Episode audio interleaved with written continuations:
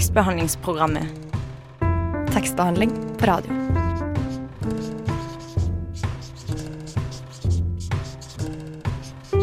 Tekstbehandlingsprogrammet.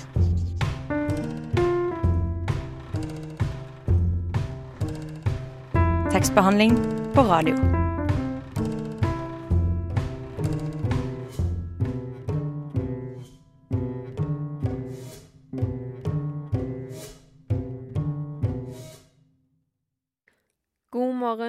Hører du på tekstbehandlingsprogrammet Radio Nova sitt litteraturmagasin. Eh, neste uke så har vi livesending på Deichmanske bibliotek igjen, og etter det så er det faktisk desember. Så dette er vår siste høstsending eh, i studio i år. Eh, derfor skal vi høre noen av høstens høydepunkt i dag. Og det innebærer blant annet dette. Noen konserter så hadde vi med oss mye dyreinnvoller som vi heiv på publikum, og vi hadde med oss sauehuer som vi satt bortover hele kanten. For vi, et av showene vi hadde hvor det kom veldig mye folk her i Oslo, så vi så for oss at vi, liksom hadde, vi skulle lage en ufo så, eh, som den ville vært i steinalderen. Vi hadde en sånn idé om at vi, vi tenkte at vi skulle spille sånn eller holde på sånn at hele scenen liksom løfta seg fra gulvet. Ja, det var forfatter Bård Torgersen som vi møtte tidligere i høst, og han skal vi møte igjen i dag. Men aller først denne ukas anmelderduell med Guro og Ylva. Jeg heter Maria Lokna, og nå hører vi Lumikide med Again. Som du sikkert har fått med deg, har vi i tekstbehandlingsprogrammet en fast spalte hos oss, Anmelderduellen. Og da møtes to redaksjonsmedlemmer som har lest samme bok, til en duell. Eh, om vi får til en duell, det vet vi som regel ikke før vi har møttes. Eh, Guro og Ulva har lest boka 'Det blir aldri lyst her' av Tina Aamodt. Og hvordan det går, skal du høre nå. Terningkast én! Nei, du, den likte jeg skikkelig godt, altså. Terningkast Kjempebra! Ja, men jeg syns den var virkelig Den var bra litteratur. Anmelderduellen. Jeg sier ja! Jeg sier nei! Denne vil jeg lese igjen. Terningkast én! Men hva synes du om boka?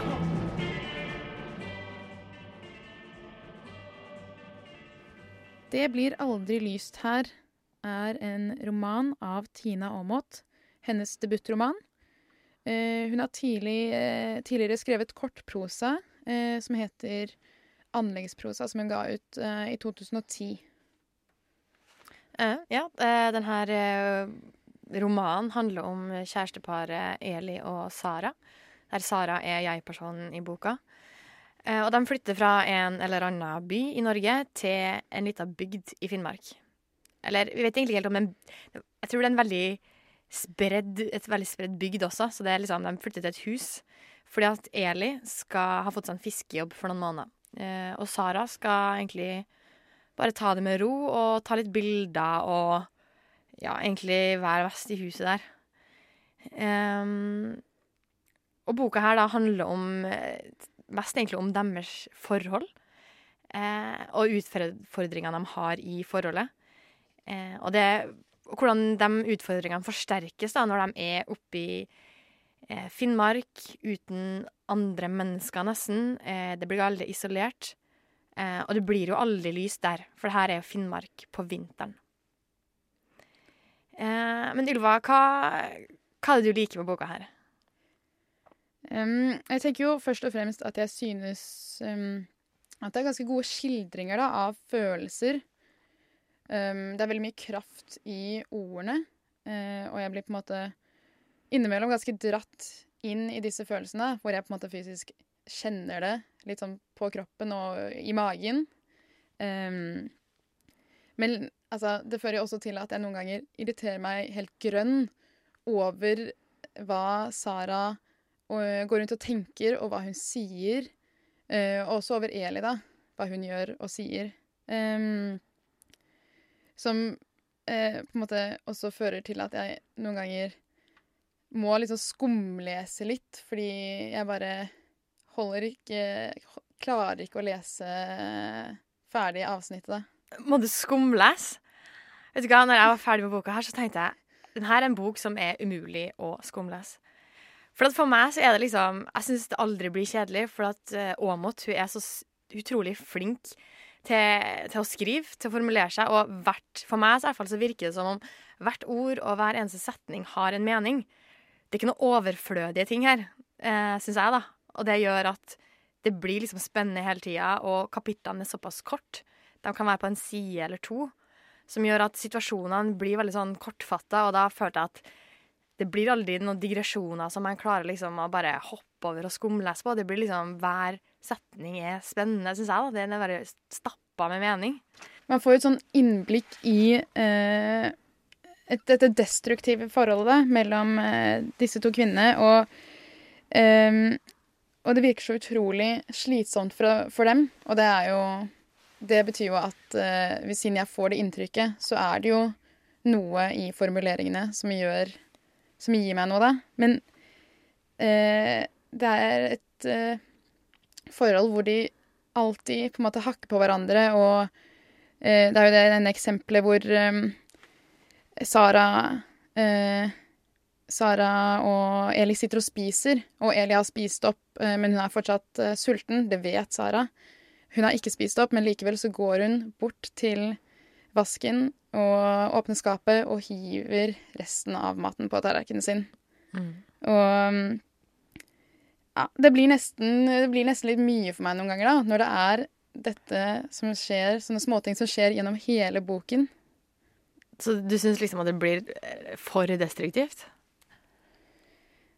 Blir- Ja, jo, eh, altså innimellom, men eh, det er på en måte Det er det med at altså, ingenting eh, skal liksom gå ukommentert, og eh, jeg tenker jo også Kanskje min reaksjon på det her er jo litt også fordi jeg vet jo at jeg selv har eh, sagt eh, Slengt en unødvendig kommentar her og der til ja, venn eller kjæreste, selv om jeg vet at det er unødvendig og kjipt. Og det er det at man liksom kjenner seg igjen. Men det er ikke det som er så bra, da. At man føler at man kan identifisere seg, og at er, du kjenner det på kroppen, som du sa helt i starten. Kan, ok, Man syns det er litt ille, men er ikke det som liksom fører til Eller jeg hvert fall det gjør at det er en god roman for min del. At det faktisk klarer å eh, formidle noe som du, du, du merker. da. Det er ikke noe du bare kan legge bort etterpå, og så tenker du aldri på det igjen. Jo, for meg da så blir det på en måte at um, Det er liksom motsigende, for på en måte så er det jo bra at man blir dratt inn i en bok, men likevel så syns, syns jeg at det er ganske slitsomt, og i midten der så blir det nesten litt sånn kjedelig da, når hun, Sara går rundt i huset og bare tenker, tenker masse dritt. Men er, er det kanskje litt sånn at du blir nesten litt sånn distansert for at du ikke vil kjenne på det? eh, det kan Hvis det er litt sånn psykologitime her, men eh, Det kan jo Det kan jo kanskje hende, da. Og kanskje det også er fordi det er eh, en mørk novembermåned her også, at eh, det, man kjenner liksom på det mørke her også. At det mm. blir nesten Kan bli litt i overkant, da, med mørke fra, fra denne boka og mørket ute. Ja. Nei, for jeg syns at det, det destruktive egentlig Eller at det ikke gjør så mye. For at den boka her er jo ikke Den er jo ikke 200 sider engang. Uh, og jeg syns den minner meg litt om Carl Frode Tiller sine innsirklingbøker. Det er også veldig mye destruktivt, og det er veldig mye sånn De klarer ikke å komme seg ut av det, da. Uh, men her så er det på en måte ikke Det er destruktivt, men det er jo ikke noe tårepresse eller noe sånn uh, det skrevet såpass godt da, at jeg ikke syns det gjør noe. For det, det, er ikke sånn, ikke noe billige triks eller klisjeer som er brukt her, syns jeg. da. For den, den forklarer jo et forhold som er så destruktivt, og du får, du får innblikk at det her er et sånt par som tror at de sjøl er meant to be. At de her skal være sammen for alltid, for at de elsker hverandre, og det er det eneste som betyr noe. Og det gjør at de blir så avhengige av hverandre, men likevel tror de at det her er det beste. Det er sånn kjærligheten skal være. Og det tenker jeg at det er bare helt feil, men jeg syns det er veldig interessant å lese om det. Syns ikke du det? Jo, det er jo interessant, og særlig med tanke på fortellerperspektivet, da. Eh, hvor Sara er jeg-person, men Eli er jo på en måte like mye med, for hun er så utrolig mye i tankene til eh, eh, til Sara. Um, og det er jo også spennende på en måte å få det innblikket da, i um, i hodet til Sara. Ja, for det blir jo litt sånn at hun, hun er, gjør kanskje én ting, og så tenker han noe annet. Og så Så det blir veldig, det blir jo veldig ærlig. For at det er jo ikke alltid at selv om man framstår som en god person, så, så tenker man jo aldri bare gode tanker om andre mennesker eller seg sjøl. Så man har jo litt sånn her, man er jo litt sånn ambivalent hele tida, alle. Og det syns jeg også er litt sånn med jeg-personer, det funker jo ganske bra. At du blir liksom Det framstår troverdig når det er såpass ærlig, da. Men det er jo så, såpass brutalt ærlig, da, at eh, Som jeg har sagt tidligere, det kan bli nesten litt eh, mye noen ganger. Som at hun ikke vil gi kjæresten mat, på en måte, eller hun vil ikke tilby. Eh, det er jo ganske sånn drastisk, men det kan godt være at det er mange som tenker det, ja. Ja, altså Det er jo litt kult, da, tenker jeg, at Aamodt på en måte Hun pusher de grensene litt. eh, for eh, Altså, det er jo ting Vi sier jo ikke de tingene vi tenker alltid. Nei. Men her presenteres de bare svart på hvitt Mm. i denne boka. Og jeg elsker det. Men um, ja, for vi skal også mm, For det her er på en måte en innpakning til den her til det her forholdet og deres samspill er jo i et hus eh, øde i Finnmark eh, midt på vinteren. Eh, Og nå skal vi høre et lite klipp, for at Tina Aamodt var jo faktisk i tekstbehandlingsprogrammet forrige uke. Og da skal vi høre litt om hvorfor hun plasserte dem akkurat der.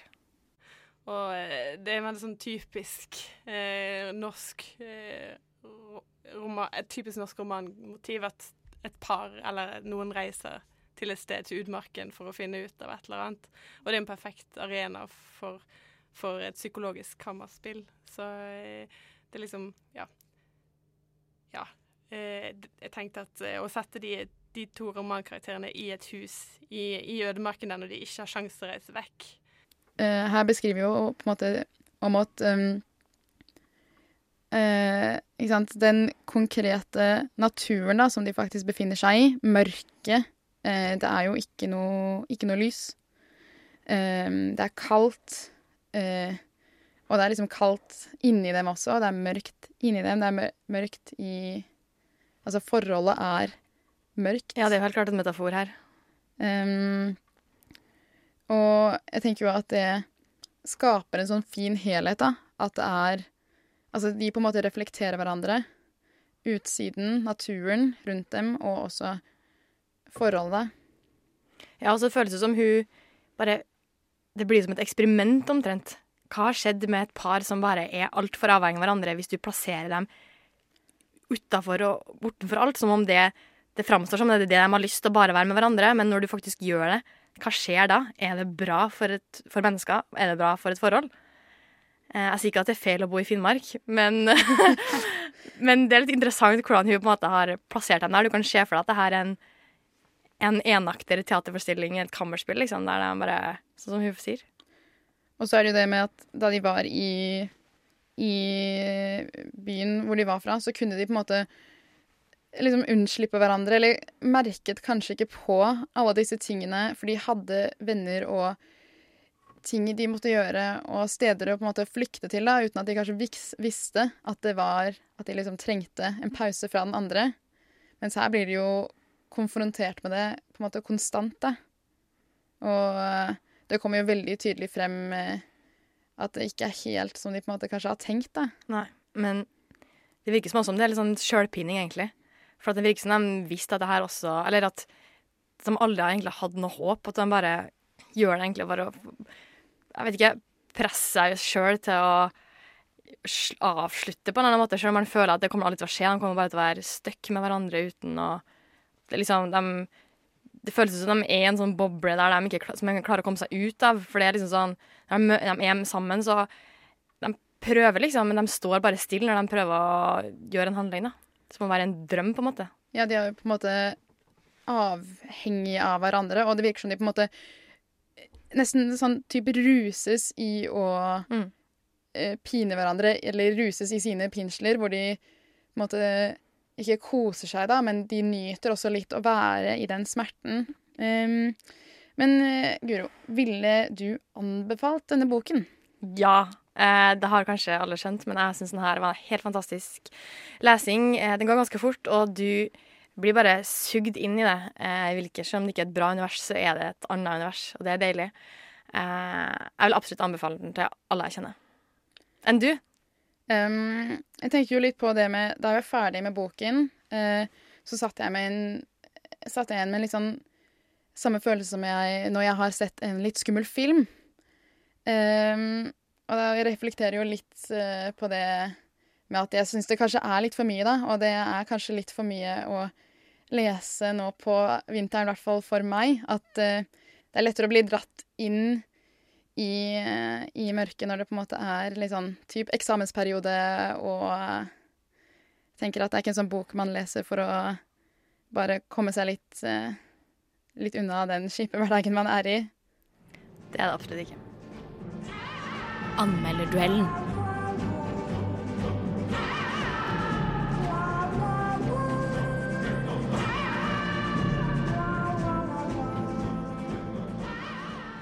Der hørte du Silk Roads med Real Time. Tidligere i høst var vi på besøk hos forfatter Bård Torgersen og snakket om dyreinnvoller, en ti år gammel standup-komiker, og vår egen fascinasjon for det forferdelige. Det skal du få et gjenhør med nå. Noen konserter så hadde vi med oss mye dyreinnvoller som vi heiv på publikum, og vi hadde med oss eh, sauehuer som vi satt bortover hele kanten. For vi, et av showene vi hadde hvor det kom veldig mye folk her i Oslo, så had, vi så for oss at vi liksom hadde Vi skulle lage en ufo så, eh, som den ville vært i steinalderen. Vi hadde en sånn idé om at vi, vi tenkte at vi skulle spille sånn eller holde på sånn at hele scenen liksom løfta seg fra gulvet. Så vi, vi likte å blande Jeg tror vi likte å blande en eller annen sånn her ekstatisk eh, Lykkelig følelse med en, en, en, en Ja, med blod og gørr og med, med det motsatte.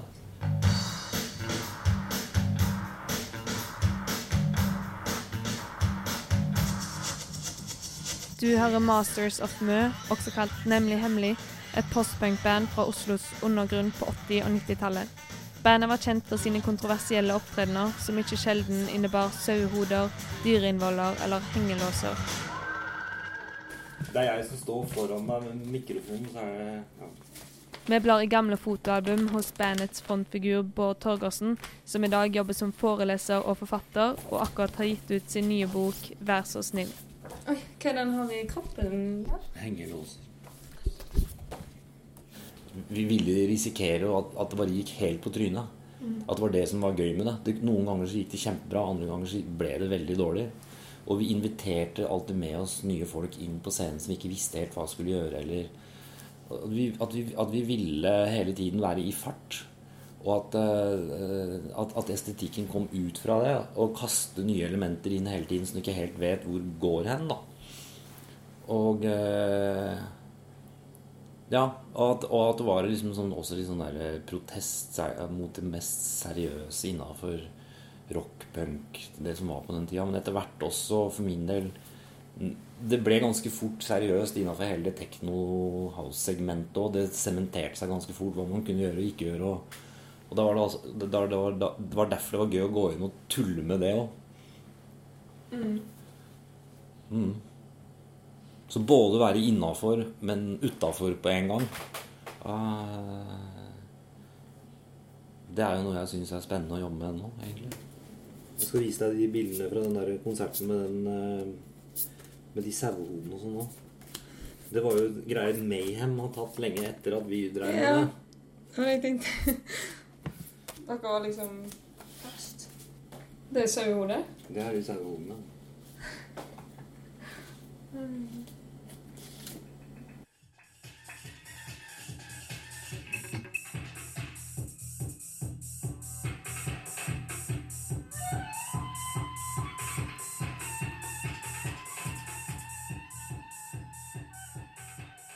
Torgersen regnes som en av pionerene innen norsk elektronika og rave. På 90-tallet var han egentlig utdannet tømrer, men fikk jobbe med filmproduksjoner som rekvisitør og scenografassistent.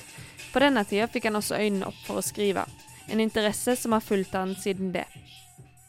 Og gjennom eh, å skrive så kom jeg i kontakt med Natt og Dag, som hadde intervjua bandet jeg spilte spilt i, og, og, og, sånn, og så leverte jeg noen ting dit. Og så utvikla en større og større interesse for skriving. Først journalistisk skriving, som jeg har holdt på med i mange år, for Natt og Dag, og, men også for andre frilans for andre steder.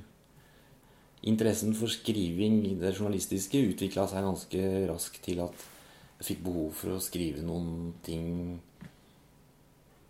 som ikke skulle være journalistikk. Fordi jeg, jeg gikk ganske fort over å ville ha en sånn skrivestil som journalist hvor jeg eh, brukte mye litterære virkemidler og brukte likte den fortellende stilen. Og jeg følte hele tiden at det var liksom begrensende at jeg ikke kunne ta det lenger fordi jeg måtte forholde meg til hva som var sant. da.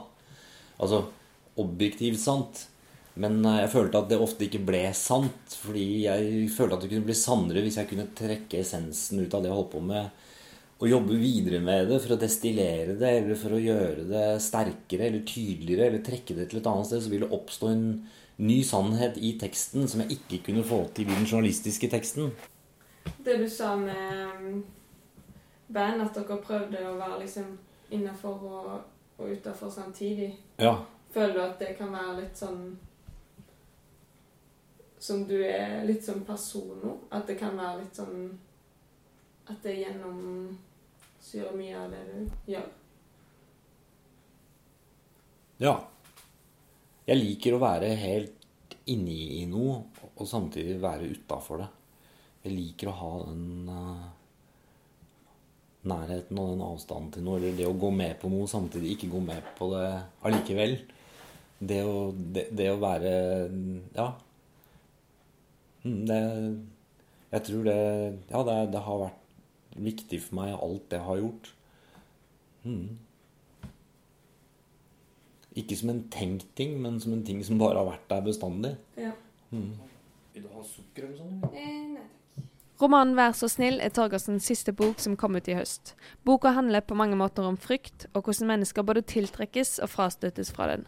Her har han tatt utgangspunkt i sitt eget forhold til frykten. Jeg opp gjennom hele livet har hatt et, uh, hva skal jeg si, et sterkt forhold til det å være redd, og jeg har vært mye redd for forskjellige ting, og at det er en ting jeg både tiltrekkes av og frastøtes av. Jeg har blitt mer og mer bevisst på at jeg på en måte har, kan bli avhengig av den følelsen. På samme måte som at du kan føle at du får lyst til å bli full, eller får lyst til å gjøre noe som du ikke veit er bra. Så kan, altså at, jeg, at, jeg, at, jeg, kjenner at det både er noe veldig sterkt med det, og, og, og noe som er positivt med det, fordi det er så intenst. da Samtidig som jeg også føler at det er veldig destruktivt fordi det er så lammende, og fordi det, fordi, fordi det tar overhånd. Mm. Men jeg syns heller ikke det er lett liksom, å skulle leve eh, et liv hvor, hvor, jeg utelukker de tingene fordi det har vært så mye energi i det òg. Fordi jeg har fått så mye ut av det. Fordi det også har gitt mye til meg. Eh, eh, sånn paradoksalt sett. Men det kan også virke som at hele kulturen reagerer på samme måte at, at, du blir eh, tiltrukket av det som virkelig frastøter deg. Da. Jeg tror at eh, den, den, den, den første TV-kanalen, den første eh, avisen eller nettstedet i Norge som gjør et portrettintervju med Breivik, kommer til å få all time high av seere og salg av samme grunn. Jeg tror at vi vil ikke gjøre det i anstendighetens navn, men jeg tror ikke det er noe mer omtrent vi ønsker oss som publikum, er å f.eks. kunne møte monsteret Breivik. da. Bare her om dagen så, så jeg liksom på mobiltelefonen min at eh, fly skal nødlande. Drar jeg hjem, og så er det direktesendt nødlanding. Og hvorfor det? Hvorfor skal norske folk sitte og se et fly direkte direktesendt nødlandet. Det flyet, hvis det hadde gått til helvete, så hadde vi sittet og sett på 190 passasjerer bli grilla levende på Gardermoen. Da. Hvorfor skal vi det? Vil vi nesten at det skal skje? Ja. Vil vi det fordi det er så spennende, fordi det aktiverer oss? sånn at Vil vi bli rysta løs av et eller annet? Og så er det det vi går til for å, for å, for å vekkes til live, på en måte? Det, vil vi det? Vil vi at det flyet skal styrte så vi kan se på det? Blir vi nesten skuffa når, når, det lander pent. Så, å, så herlig. Men er det noe i oss som sier at faen òg, at det ikke eksploderte? Og Hvis vi ikke tør å gå inn i og begynne å se på det, og eventuelt innrømme det, hva skjer da? Det er en eller, annen, en eller annen dynamikk der som er ja, Som jeg syns har vært veldig spennende å bevege meg inn i. Da. En av hovedpersonene i boka er Narren, en ti år gammel gutt som holder standup-show for fulle hus i Oslo. Gutten er drøy og grov, men serien gjør det fordi han er spennende for publikum. Noe som egentlig er ganske uhyggelig, men også fascinerende. Velkommen, alle sammen. Så hyggelig at så mange av dere har kunnet ta veien hit i kveld. Så tett opp til julaften og alt. Rørende er det. Jeg skal gå rett på sak. Jeg synes julenissen er kjip. Julenissen er en kåt, gammel gubbe som, jeg, som vet hvor jeg er. Om jeg sover, om jeg er våken, om jeg har vært snill eller slem. Han sniker seg ned i pipa mi, gir meg gaver uten grunn, forsvinner videre til neste hus. Jeg lover at hvis jeg tar nissen på fersken hjemme hos oss, henter jeg en hagle. Hvor mange av dere drittsekker i salen har sagt til barna deres at nissen finnes? Hvor mange av dere har kledd dere ut? Hvor mange av dere synes det er riktig å ljuge? Dere har begravd Jesus, men dere holder nissen i live. Hva slags verden forventer dere å få? I en rettferdig verden er det nissen som skulle vært korsfestet, og Jesus som skulle fått leve. Man kan stole på barn. Barn har ikke noe å skjule. Det er foreldre som gjør alt de kan for å narre ungene sine. Ikke nekt, dere vet det godt. Her er en liste over tingene foreldre ljuger om til ungene sine. Sex, død, krig, skilsmisse, rus, sykdom, fedme. Vi er ikke tjukke i hodet. Kom igjen, si det som det er. Sex. Mamma og pappa liker å pule. Død. Bestemor er ikke i himmelen, hun ligger i bakken og råtner. Skilsmisse. Både mamma og pappa knuller rundt. Den dagen den ene oppdager den andre, kommer det til å bli et helvete, og de kommer til å flytte fra hverandre. Rus. Vin er ikke saft, og kartongen blir tom på to dager. Hadde den ikke blitt det, hadde ikke mamma og pappa orket å leve. Sykdom. Kreftsvulsten sier ikke 'du er bare åtte år, stakkars deg', og hopper videre til en annen. Fedme. Du er ikke perfekt, du er feit, du kommer til å utvikle diabetes. Krig. Det er krig i verden, og en dag vil krigen komme hit. Barn kan godt være soldater. Hvordan vet jeg dette? Har dere hørt om Internett? Jeg har det helt fint. Det som ikke er bra, er at dere ljuger. Dere sier at det kommer til å gå bra, men jeg kan jo bare kaste et blikk ut i salen, så ser jeg at det er feil. Du din feite ku, du som sitter på første rad og hvisker til typen din. Så søt han er, den lille fyren. Jeg er ikke søt. Jeg er kåt, og pikken min er større enn pikken til typen din. Men jeg er ikke her for å skryte. Jeg er her fordi jeg ikke vil bli jugd til. Og nå skal jeg snakke sant. Dere liker å høre på meg. Å, det er helt rått. For han er så drøy. Hvordan er det mulig? Men det er dere som er drøye. Dere syns det er så spennende at jeg sier ting som bare voksne sier. Men voksne sier ikke sånn som jeg sier. Det gjør bare drittunger som dere, som ikke klarer å bli voksne. Det er derfor dere liker meg. For det føles så godt å se på seg selv og etterpå gå hjem og runke. Det er så fælt og morsomt gang. Ja, det er det. Det er skikkelig kjipt og morsomt.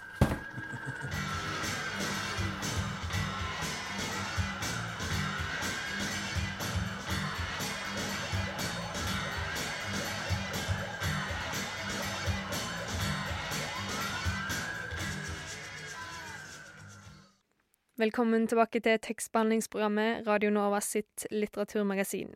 Vi skal høre litt musikk. Eh, en låt av det ferske norske bandet Drøm. Den heter Når jeg våkner, og er, vil jeg si, både sårbar og sterk, og energisk, og samtidig jordnær. Jeg syns faktisk det er noe av det fineste jeg har hørt på ganske lenge innenfor norsk eh, musikk, men eh, nok om meg, som de sier. Eh, her får du Drøm med Når jeg våkner.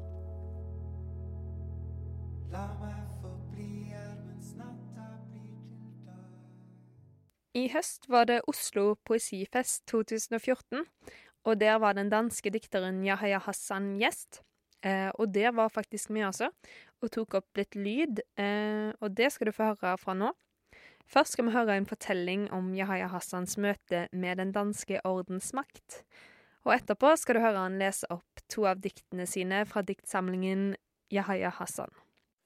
Hvordan eh, Nå fisker jeg litt når jeg eh, spør deg om det. fordi at eh, du har fortalt meg en historie om ditt første møte med danske Gyldendal. Ja. Er det noe du kunne tenke deg å dele med publikum her? Ja. Um, Det dreier seg om, ja, jeg har fått denne her mail fra det her forlag, og at jeg nå skal dukke opp til, til, til en samtale. Og på det tidspunkt er jeg faktisk blevet smidt ud hjemmefra, øh, og har ikke noget sted at bo, så jeg har alle, alt mit tøj og alle mine ting i øh, to store kufferter, og jeg øh, var også i problemer med, med visse mennesker i mit øh, nærmiljø på grund af de ting, jeg havde skrevet, og på grund af mine oplæsninger, og på grund af mine digte.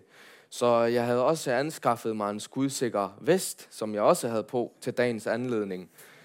Øh, og jeg tager toget til København, øh, og tager et tog videre til Nørreport station, og går sådan ned ad gågaden en meget varm sommerdag, øh, med to store kufferter og en skudsikker vest og en stor jakke, og da jeg så kommer ned ad gågaden, så kan jeg se, at der er en øh, politibil, som øh, ligesom er lidt interesseret i mig. Og jeg prøver sådan at skynde mig lidt væk, fordi jeg, har ikke tid til at snakke med dem. Jeg skal jo til forlagsmøde. Jeg er jo blevet anstændig. Øh, så jeg, jeg går videre, men det ender med, at de stopper mig lige ude foran receptionen, som er sådan en øh, øh, sådan øh, øh, glasfront, så receptionisterne de kan sidde og se til, at, at, jeg, at ham der, den nye debutant, han står og konverserer lidt med ordensmagten. Øh, og de spørger, øh, hvad, hvad jeg laver, og jeg siger, at jeg skal til, øh, til møde inde på forlaget, og tror, at jeg har et alibi, eller i hvert fald legitimt gørmål. Det har jeg ikke. Øh, de åbner min kufferter og tror, at der er alt muligt i. Øh, så de hælder alt tøjet ud på vejen, og øh, de spørger, hvem er du? Og jeg siger igen, jamen jeg er digter, og jeg skal til møde herinde på forlaget. Og så spørger de om mit personnummer. Og jeg gir dem personnummeret, og så slår han meg opp i registeret, så kan han se, du er sgu ikke dikter, du er 20, sagde han. Og da jeg så kan mærke, at øh, det ikke går, går særlig godt med at være dikter, så ringer jeg inn til min øh, redaktør og beder ham om å komme ut for å redde meg. Ikke? Øh, og da han så kommer og nærmer seg den her politiforretning, så får han bare at vide, at han skal smutte igjen. Og ja, så blev jeg heldigvis sluppet fri litt senere, men min redaktør han var litt chokeret. det kan jeg tenke meg. Mm.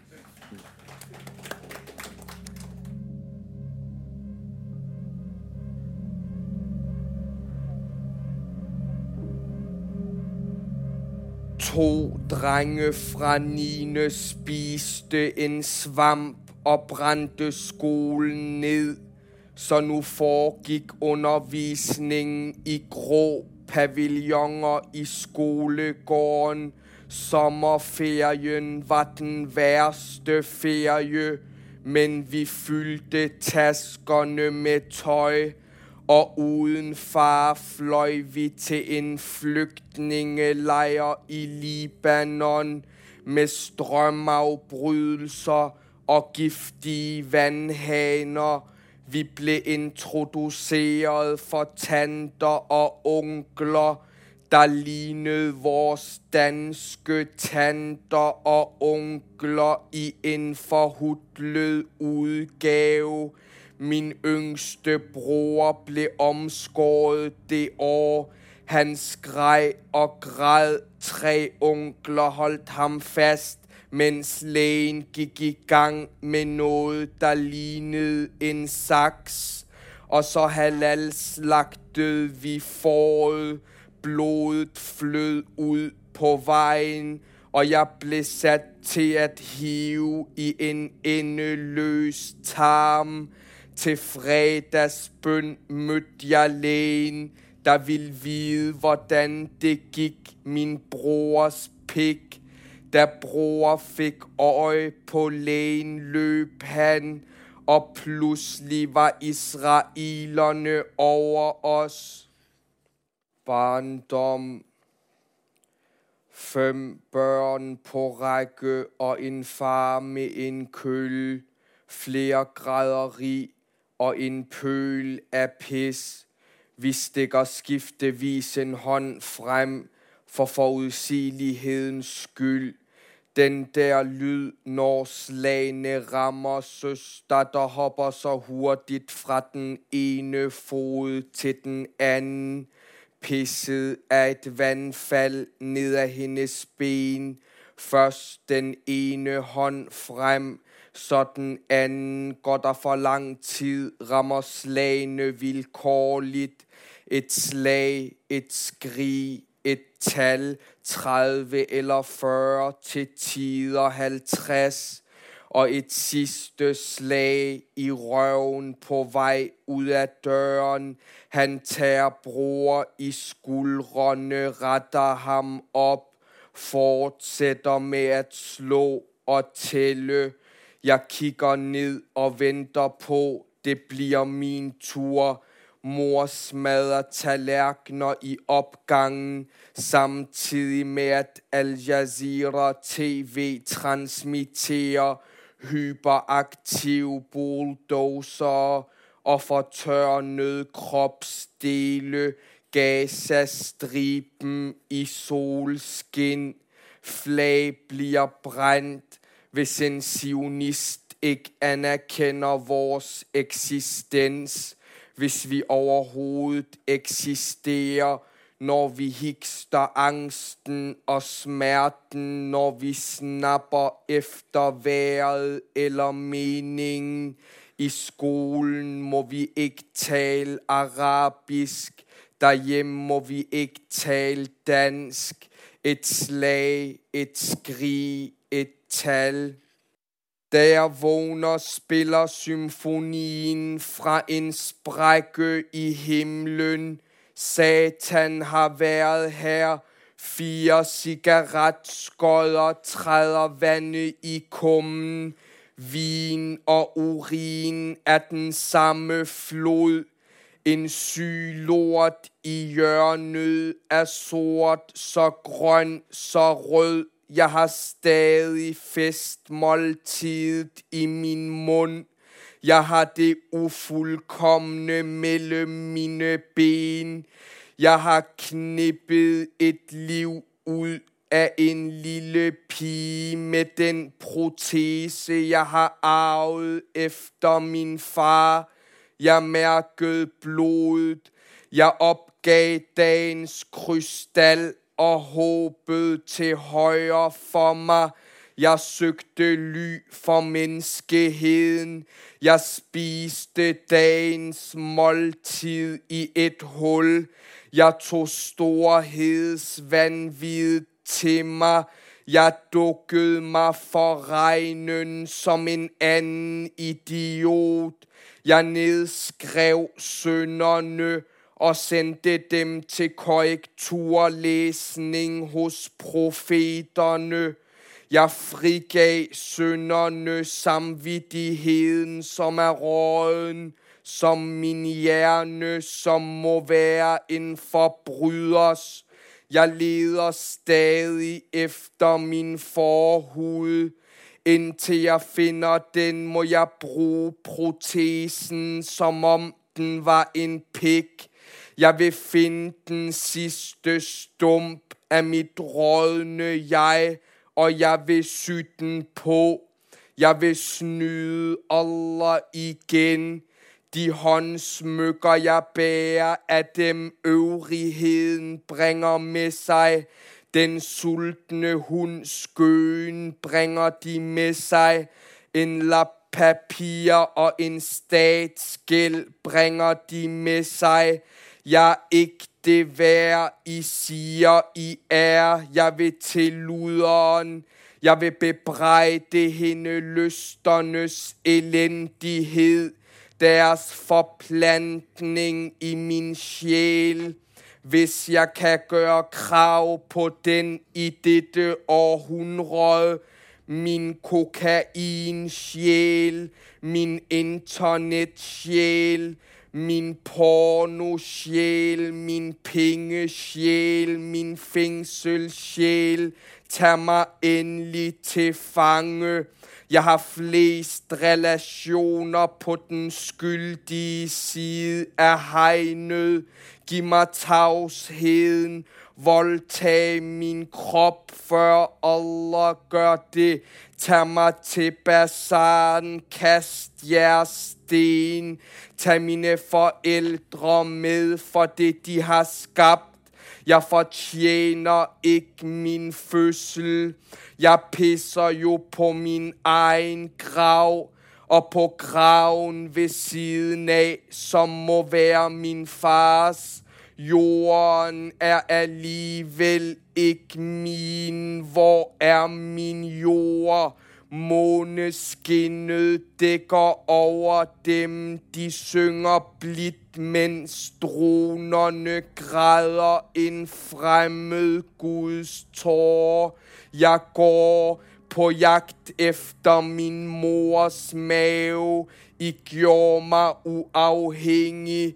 I gjorde meg i stand til at såre min mor, da I klippet navlestrengen. Det skulle I aldri ha gjort. Jeg skulle ha været min mors hund i snor. Asken er det, der ikke lenger er. Mørket er det, der aldri bliver. Men se nu her, hvad Satan har efterladt. En evig flamme fra sit helvede.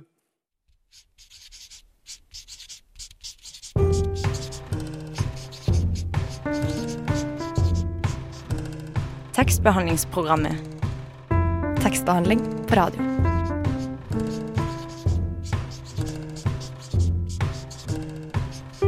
Tekstbehandlingsprogrammet.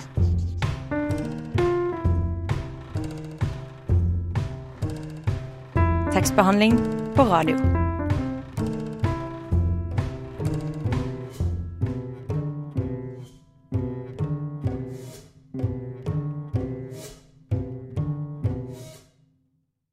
Der hørte du Alexander von Meren med Aerosuite her på Radio Nova. Og det var dessverre alt eh, tekstbehandlingsprogrammet hadde tid til i dag. Gikk du glipp av sendinga vår, kan du høre den på podkasten vår på Soundcloud eller på radionova.no. Neste uke har vi livesending på Deichmanske.